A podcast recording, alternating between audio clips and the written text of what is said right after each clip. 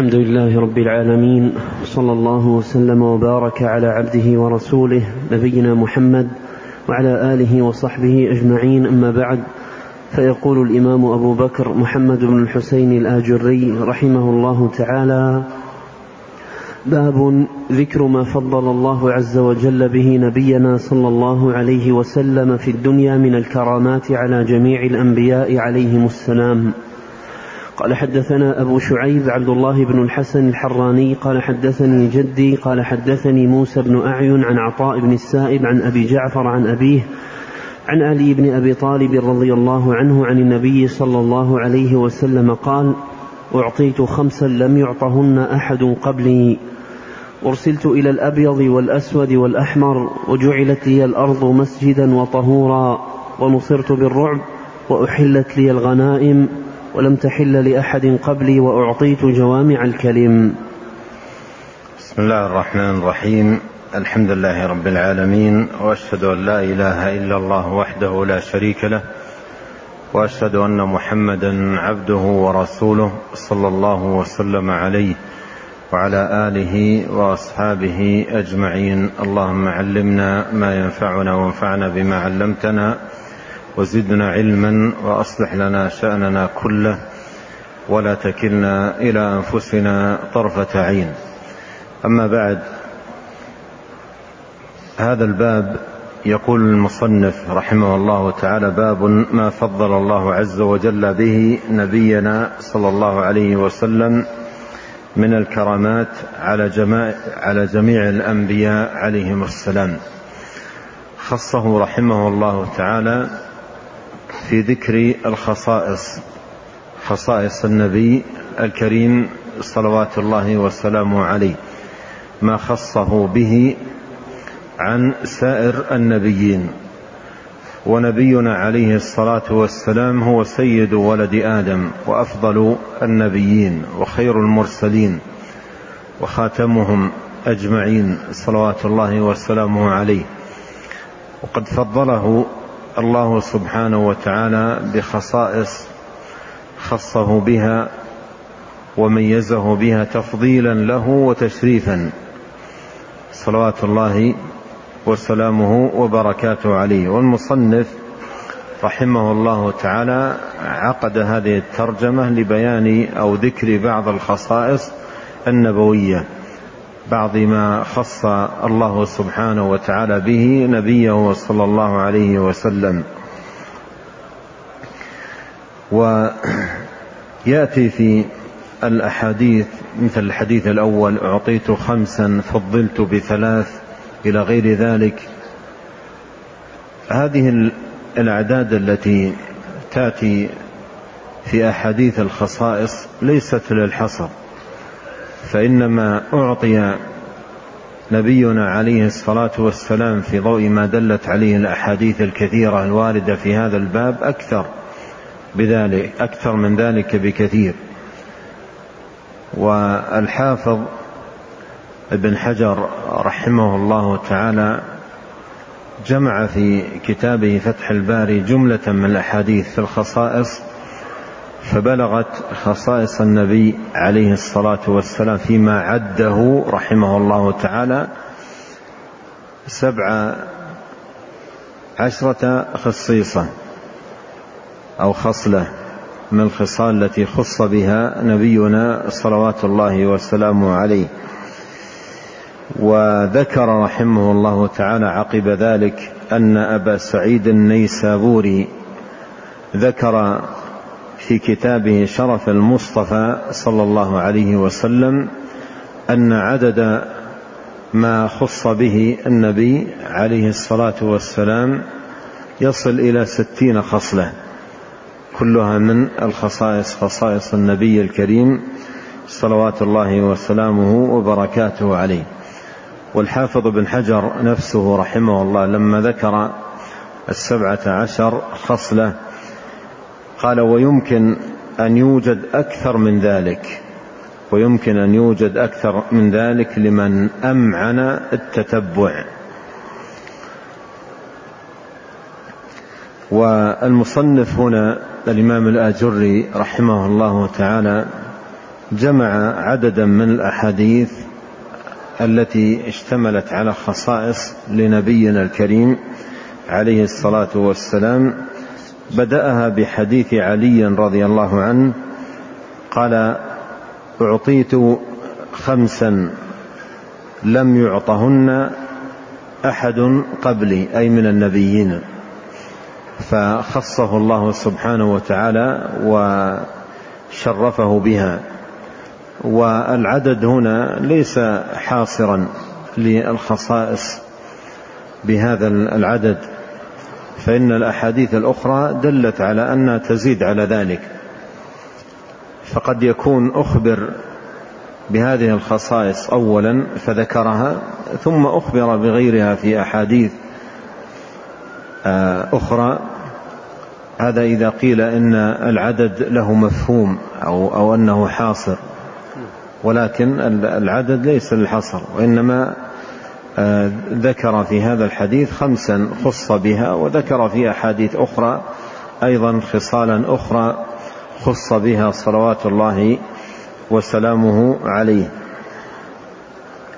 قال أرسلت إلى الأبيض والأسود والأحمر أي أن رسالته عامة وكل نبي أرسل في قومه خاصة إلا نبينا صلى الله عليه وسلم الذي ختمت به الرسالات وكان خاتم النبيين بعثه الله سبحانه وتعالى للناس عامة ليست بعثته لقومه فقط أو للعرب أهل لسانه فقط بل بعث للناس أجمعين.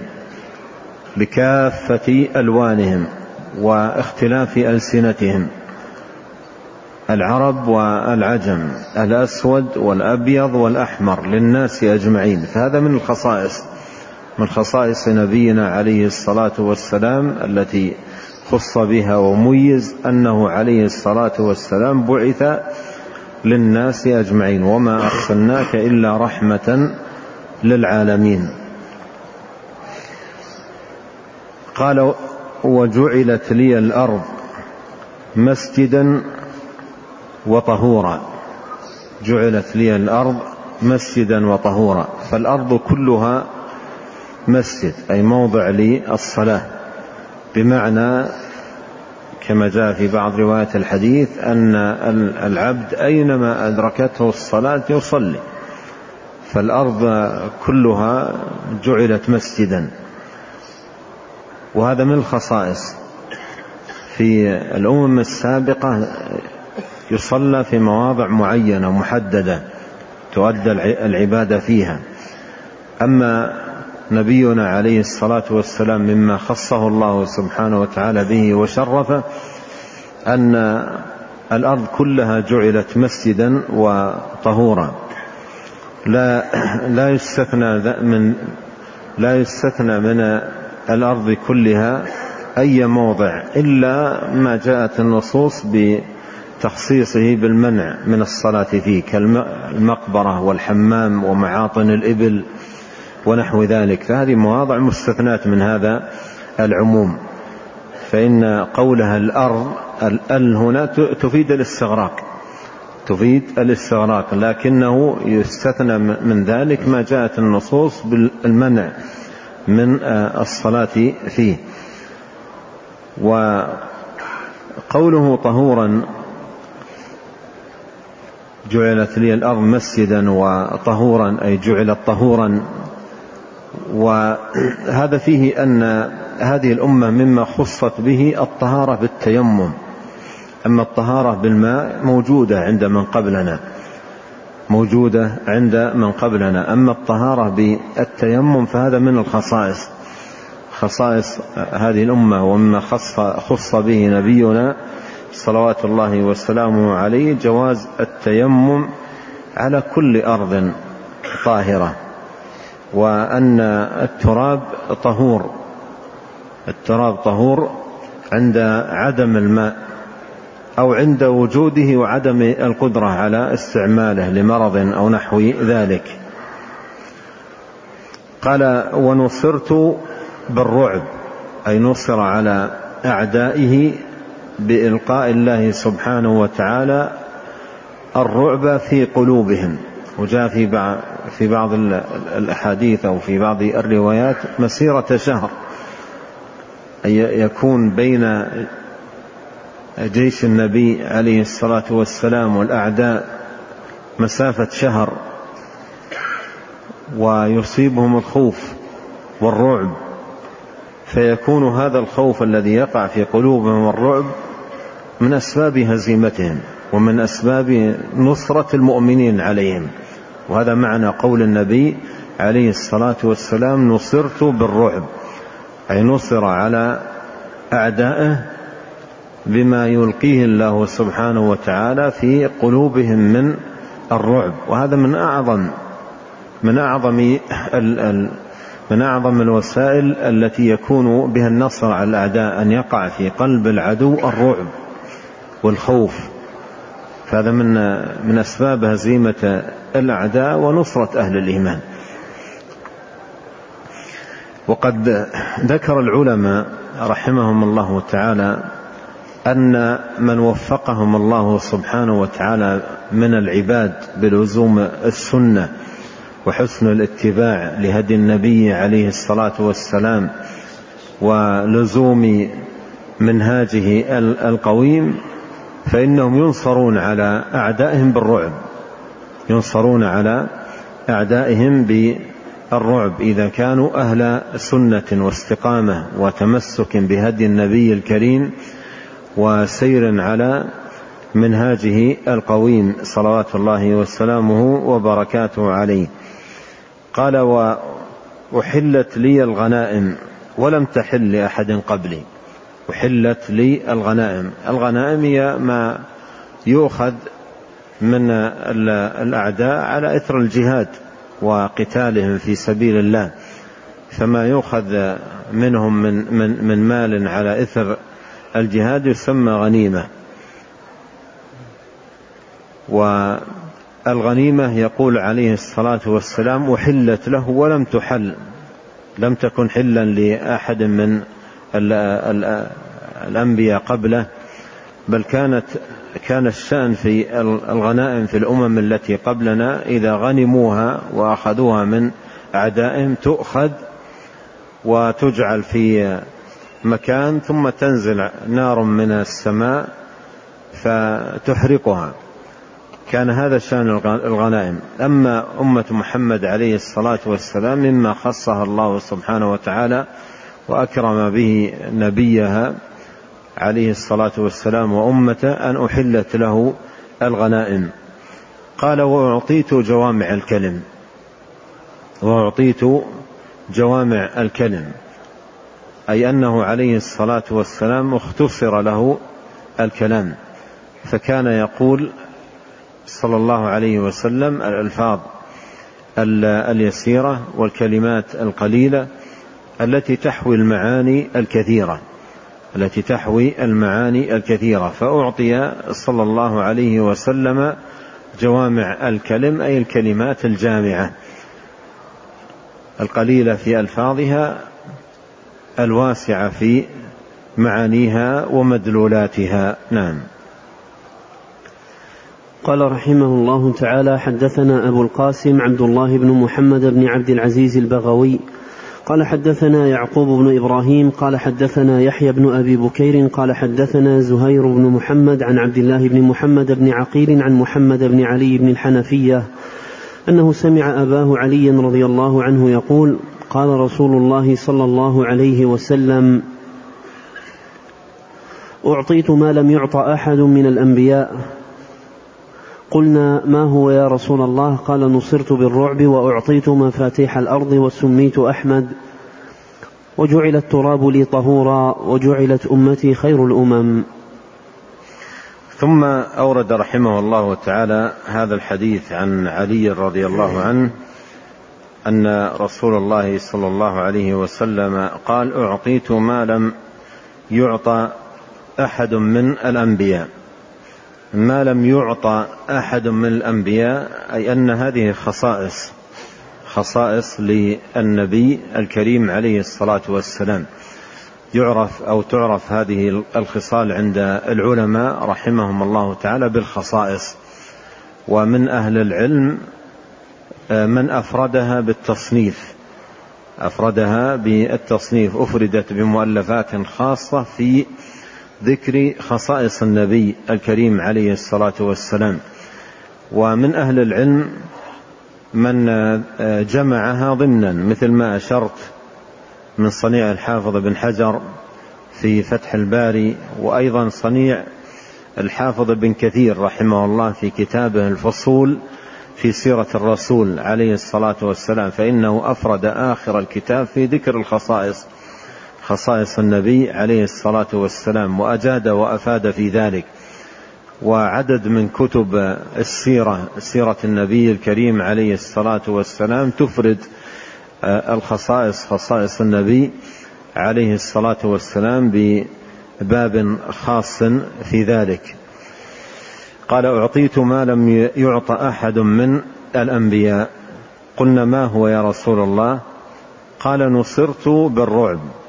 وهذا تقدم في الحديث الذي قبله. وأعطيت مفاتيح الأرض. وأعطيت, وأعطيت مفاتيح الأرض. أي أن الله سبحانه وتعالى من عليه. صلوات الله وسلامه عليه بمفاتيح الأرض. ولهذا آه، مما أكرم الله سبحانه وتعالى به نبينا عليه الصلاة والسلام وصحابته من بعد أن كنوز الأرض صارت تحت أيديهم. صارت تحت أيديهم لأن ما جاء به النبي عليه الصلاة والسلام وما أمده الله به من معونة ونصرة وتوفيق وتسديد أعطي بذلك عليه الصلاة والسلام مفاتيح الأرض صلوات الله وسلامه عليه. قال وسميت أحمد. وسميت أحمد. هذا من أسمائه. وله أسماء عديدة. ومر معنا باب خاص بذلك عند المصنف رحمه الله تعالى. وأسماؤه جميعها عليه الصلاة والسلام أعلام وأوصاف. ليست أعلاما مجردة بل كل اسم منها دال على وصف للنبي الكريم عليه الصلاة والسلام. ومن هذه الأسماء التي سمي بها وهي مشتملة على مجامع الأوصاف أوصاف الخير أحمد لعظم خصال الحمد التي فيه صلوات الله وسلامه وبركاته عليه. لعظم الخصال المحمودة الجميلة الكريمة التي من الله سبحانه وتعالى عليه بها. قد جاء في آه، القرآن في سورة الصف مبشرا برسول يأتي من بعد اسمه أحمد. قال وجعل التراب لي طهورا وهذا تقدم في الحديث الذي قبله وجعلت أمتي خير الأمم. وهذا أيضا مما شرف الله سبحانه وتعالى به نبيه عليه الصلاة والسلام أن أمته خير الأمم. وقد قال الله في القرآن الكريم كنتم خير أمة أخرجت للناس. فهذا مما فضل الله سبحانه وتعالى به آه، نبيه فهم خير الأمم وأكثر الأمم.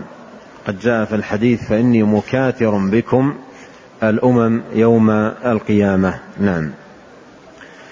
قال رحمه الله تعالى وحدثنا أبو القاسم أيضا قال حدثنا علي بن المنذر الطريقي قال حدثنا ابن فضيل قال حدثنا أبو مالك الأشجعي عن ربعي بن حراش عن حذيفة رضي الله عنه قال قال رسول الله صلى الله عليه وسلم فضلنا على الناس بثلاث جعلت لنا الأرض كلها مسجدا وجعلت تربتها لنا طهورا وجعلت صفوفنا كصفوف الملائكة. وأوتيت هؤلاء الآيات من آخر سورة البقرة من كنز تحت, تحت العرش. لم يعط منه أحد قبلي ولا يعطى منه أحد بعدي. قال وحدثنا أبو محمد يحيى بن محمد بن صاعد قال حدثنا إسحاق بن إبراهيم بن حبيب بن الشهيد وهارون بن إسحاق الهمداني قال حدثنا ابن فضيل عن أبي مالك الأشجعي عن ربعي بن حراش عن حذيفة رضي الله عنه قال قال رسول الله صلى الله عليه وسلم فضلنا على الناس بثلاث جعلت لنا الأرض مسجدا وجعل ترابها لنا طهورا إذا لم نجد الماء وجعلت صفوفنا كصفوف الملائكة وأوتيت هؤلاء الآيات من آخر سورة البقرة من كنز تحت العرش. لم يعط منه أحد قبلي ولا أحد بعدي. ثم أورد رحمه الله تعالى هذا الحديث عن حذيفة رضي الله عنه أن النبي صلى الله عليه وسلم قال فضلنا على الناس بثلاث أي بثلاث خصال. شرف الله سبحانه وتعالى بها هذه الأمة أمة محمد عليه الصلاة والسلام. قال جعلت لنا الأرض كلها مسجدا وجعلت تربتها لنا طهورا. هذه خصلة واحدة من الخصال المعدودة في هذه الأحاديث أن الأرض جعلت مسجدا وطهورا كما تقدم في الأحاديث قبله. وفي هذا الحديث تفسير للأحاديث التي جاء فيها قول نبينا عليه الصلاة والسلام جعلت لي الأرض طهورا. أن معنى طهورا أي تربتها أينما كان الإنسان في أي موضع من الأرض جعلت تربتها طهورا للعباد في حال عدم وجود الماء. إذا لم يجد المرء الماء يتيمم صعيدا طيبا فيكون طهورا له يكون طهورا له. وجعل وجعلت صفوفنا كصفوف الملائكة. وجعلت صفوفنا كصفوف الملائكة. أي شبيهة ومماثلة لصفوف الملائكة يترصون في الصف ويقيمون الصفوف و يصفون أو يقيمون الصفوف الأول فالأول فجعلت صفوفنا كصفوف الملائكة. وهذا ينبغي أن يستشعره العباد وأنه من الفضائل والخصائص حتى يعنى أهل الإيمان وأهل الصلاة بإقامة الصفوف وتسويتها. قال وأوتيت هؤلاء الآيات من آخر سورة البقرة من كنز تحت العرش. لم يعط منه أحد قبلي ولا يعطى منه أحد بعدي. وهذا أيضا مما شرف الله سبحانه وتعالى به نبيه عليه الصلاة والسلام وأكرم الله به هذه الأمة ما ختمت به سورة البقرة. قول الله عز وجل آمن الرسول بما أنزل إليه من ربه والمؤمنون إلى تمامها.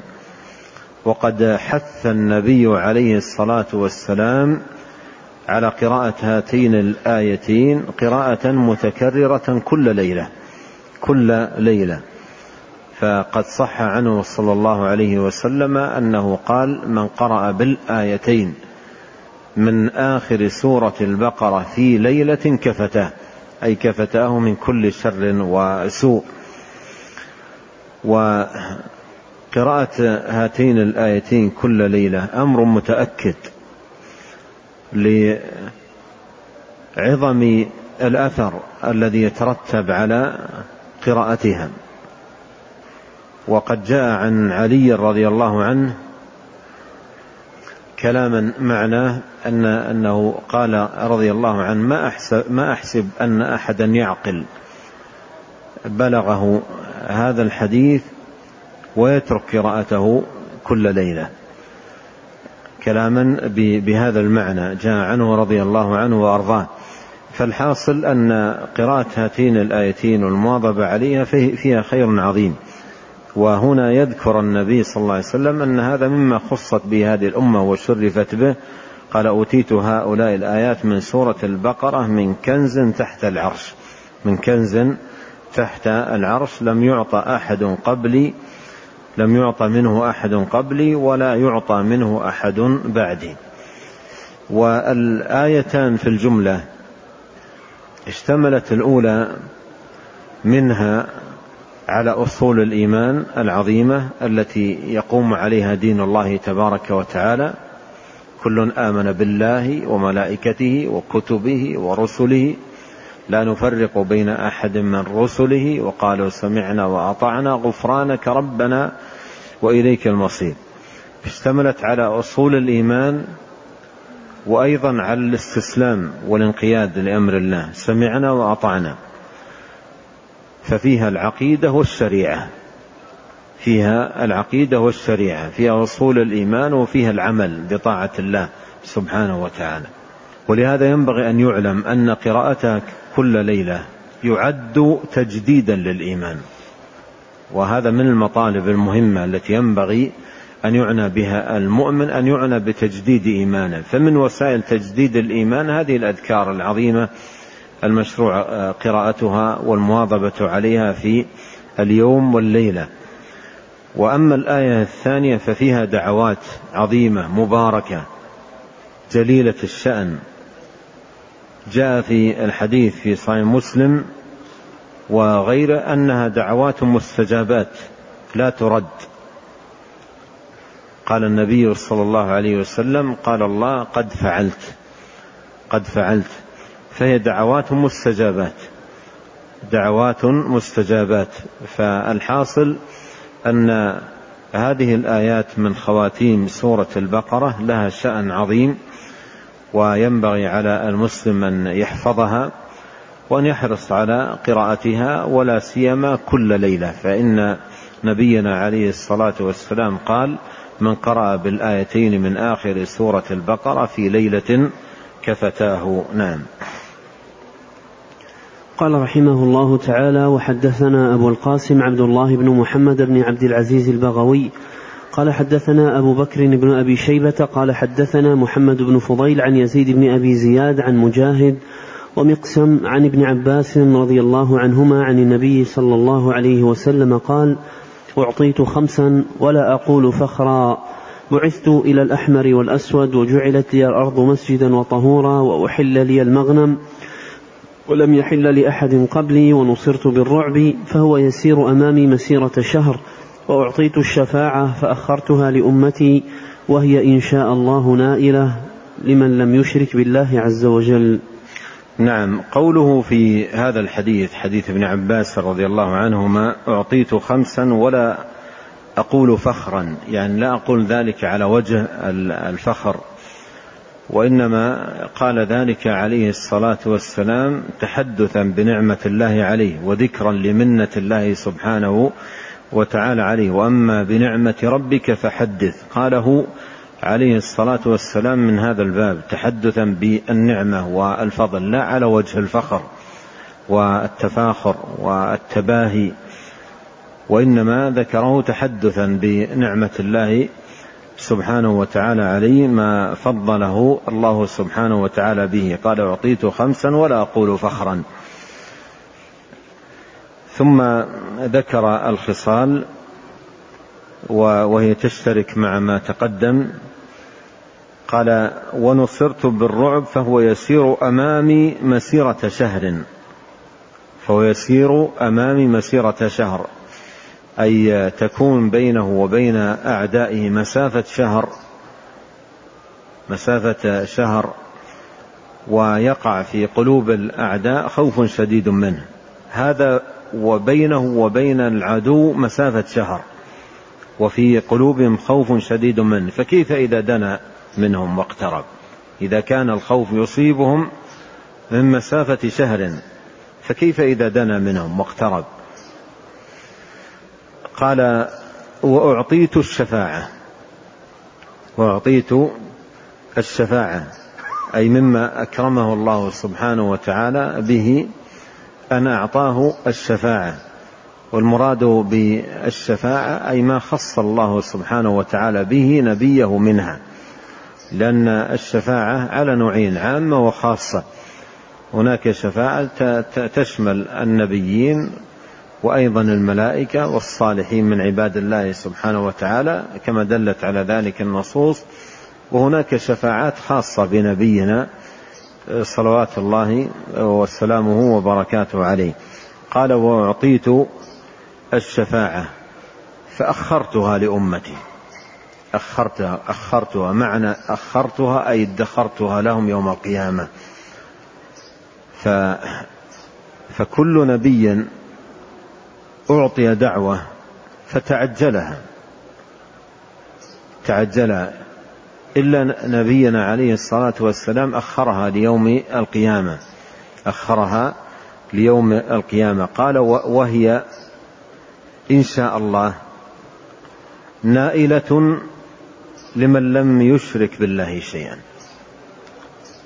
وهذا وهذا فيه ذكر شرطي قبول الشفاعة. الشفاعة لا تقبل إلا بشرطين الإذن للشافع والرضا عن المشفوع له. أما الإذن للشافع ففي قوله إن شاء الله الأمور بإذن الله ومشيئته سبحانه وتعالى. وأما الرضا عن المشفوع له قال لمن لم يشرك بالله شيئا. لمن لم يشرك بالله شيئا. فالشفاعة إنما تكون نافعة بوجود هذين الشرطين أو الضابطين لها. وكم من ملك في السماوات لا تغني شفاعتهم شيئا إلا من بعد أن يأذن الله لمن يشاء ويرضى. إذن للشافع ورضا عن المشفوع له. وهنا قال هي وهي نائلة إن شاء الله. أي بإذن الله سبحانه وتعالى الأمر لمن لم يشرك بالله شيئا. وفي حديث أبي هريرة لما سأله من أولى الناس بشفاعتك يوم القيامة قال من قال لا إله إلا الله خالصا من قلبه نعم قال رحمه الله تعالى وحدثنا أبو القاسم أيضا قال حدثنا عبد الله بن مطيع قال حدثنا إسماعيل بن جعفر عن العلاء عن أبيه عن أبي هريرة رضي الله عنه أن رسول الله صلى الله عليه وسلم قال فضلت على الأنبياء بست أعطيت جوامع الكلم ونصرت بالرعب وأحلت لي الغنائم وجعلت لي الأرض طهورا ومسجدا وأرسلت إلى الخلق كافة وختم بي النبيون. هذا حديث أبي هريرة فيه من الزيادة على ما قبله من الأحاديث قوله وختم بي النبيون فمن خصائصه أنه خاتم آه، النبيين. ما كان محمد أبا أحد من رجالكم ولكن رسول الله وخاتم النبيين. وجاء في الحديث عنه صلى الله عليه وسلم قال لا نبي بعدي. فهذا من من الخصائص أن الله ختم به آه، آه، النبيين. نعم. قال رحمه الله تعالى أخبرنا أبو عبيد علي بن الحسين بن حرب قال حدثنا أبو الأشعث أحمد بن المقدام قال حدثنا يزيد بن زريع قال حدثنا سليمان التيمي عن سيار عن أبي أمامة أن نبي الله رضي الله عنه أن نبي الله صلى الله عليه وسلم قال إن الله عز وجل فضلني على الأنبياء أو قال أمتي على الأمم بأربع أرسلني إلى الناس كافة وجعل الأرض كلها لي مسجدا وطهورا فأينما أدركت الرجل فأينما أدركت الرجل من أمة الصلاة فإنه مسجده وعنده طهوره. ونصرت بالرعب يسير بين يدي مسيرة شهر قذف في قلوب أعدائي وأحلت لي الغنائم. قال رحمه الله تعالى تم الجزء الثاني عشر من كتاب الشريعة بحمد الله ومنه وصلى الله وسلم على محمد النبي الأمي وآله وسلم تسليما. ويتلوه في الجزء الثالث عشر من الكتاب إن شاء الله. باب ذكر دلائل النبوة مما شاهده الصحابة رضي الله عنهم من النبي صلى الله عليه وسلم. والحمد لله رب العالمين. صلى الله على محمد النبي وآله وسلم تسليما. ثم ختم آه، رحمه الله تعالى بهذا الحديث حديث أبي أمامة رضي الله عنه أن النبي صلى الله عليه وسلم آه، قال إن الله عز وجل فضلني على الأنبياء أو قال أمتي على الأمم. قول فضلني على الأنبياء أو قال أمتي على الأمم هذا يتنبه إلى أن أو فيه في من الفائدة أن الخصائص خصائص النبي عليه الصلاة والسلام على نوعين. منها خصائص آه، خاصة به هو صلوات الله والسلام عليه. ومنها خصائص له ولأمته. هي على نوعين. نوع خاص به مثل ختم النبوات به ومثل أنه بعث للناس أجمعين الأحمر والأسود والأبيض. فهذه خصائص خاصة به مثل أنه أعطي الشفاعة. وهناك خصائص له ولأمته. له ولأمته. مثل قوله آه، جعلت لي الأرض مسجدا وطهورا. هذا له وللأمة. ولهذا قال في هذا الحديث فأينما أدركت الرجل من أمة الصلاة فإنه مسجده. فإنه مسجده. وعنده طهورة. يعني حتى وإن لم يكن عنده ماء ليس له عذر عنده طهورة. التراب أينما كان. ومن فوائد هذا الحديث العظيمة عدم جواز تأخير الصلاة عن وقتها. قال إذا أدركتها الصلاة. يعني الصلاة لها وقت. إن الصلاة كانت على المؤمنين كتابا موقوتا. الصلاة لها وقت. وإذا أدركت العبد ما يجوز أن يؤخر الصلاة عن وقتها. الآن من المصائب ومن الجهل العظيم في كثير من الناس أنه مثلا آه، إذا لم يجد الماء يصلي العصر بعد دخول وقت المغرب. يقول حتى أجد الماء حتى أجد الماء. أو مثلا إذا كان في باص أو في طائرة أينما أدركتك الصلاة صل. ما يجوز أن تؤخر الصلاة على الحال التي تستطيع. إن كنت تستطيع أن تتوضأ توضأ. إن لم تكن مستطيع الوضوء تيمم. إن كنت تستطيع أن تصلي قائما صل. إن لم تستطع على القيام صل قاعدا. وإن لم تستطع قاعدا فعلى جنب. لكن ما تؤخر الصلاة. أينما أدركتك الصلاة صل. أد الصلاة في وقتها. فهنا في هذا الحديث قال فأينما أدركت الرجل من أمة الصلاة فإنه مسجده. فإنه مسجده. يعني يجب عليه أن أن يؤدي الصلاة في في في وقتها ولا يؤخر لا يؤخر الصلاة عن عن وقتها. وقوله ونصرت بالرعب يسير بين يدي مسيرة شهر. قذف في قلوب أعدائي أي قذف الله سبحانه وتعالى في قلوب أعدائه الرعب من مسيرة شهر. إذا كان الرعب قذف في قلوب أعدائهم مسيرة شهر فكيف به إذا دنا؟ جيشه عليه الصلاة والسلام واقترب من آه، عدوه. هذا هذه جملة من الأحاديث أحاديث الخصائص جمعها رحمه الله تعالى. وبعض هذه الأحاديث آه، تشترك في في بعض الخصائص. فهل أحد منكم الآن عد ما جمعه الآجري من خصائص؟ هل أحد عدها؟ الحافظ بن حجر قلنا عدها رحمه الله تعالى وبلغ السبع عشرة خصلة. فكم بلغ عدد ما جمعه الآجري رحمه الله تعالى. نعطيكم فرصة دقيقتين. عديتها كم؟ ثلاثة عشر؟ نعم. ماذا أيضا عند الأخوان؟ توافقون على العدد ولا؟ هل وصلت إلى العدد الذي وصل إليه الحافظ بن حجر ولا لا؟ ها؟ عشرة؟ ها الرواية الثانية عشر. ها الشيخ خالد ما عديت أنت. أنا في 11 يا شيخ. 11 إذا ما وصلت إلى ما جمعه ابن ابن حجر رحمه الله. ها عشر. على كل حال يعني هي في هذا الحدود. 12 يعني ما دامكم مختلفين ف 12 أو أو 13 أو 11 أو 10 في هذا الحدود. الحافظ بن حجر أوصلها إلى سبع عشرة خصلة وذكر عن بعض أهل العلم أنه أنه أوصلها إلى الستين. نسأل الله الكريم أن ينفعنا بما علمنا وأن يزيدنا علما وأن يصلح لنا شأننا كله.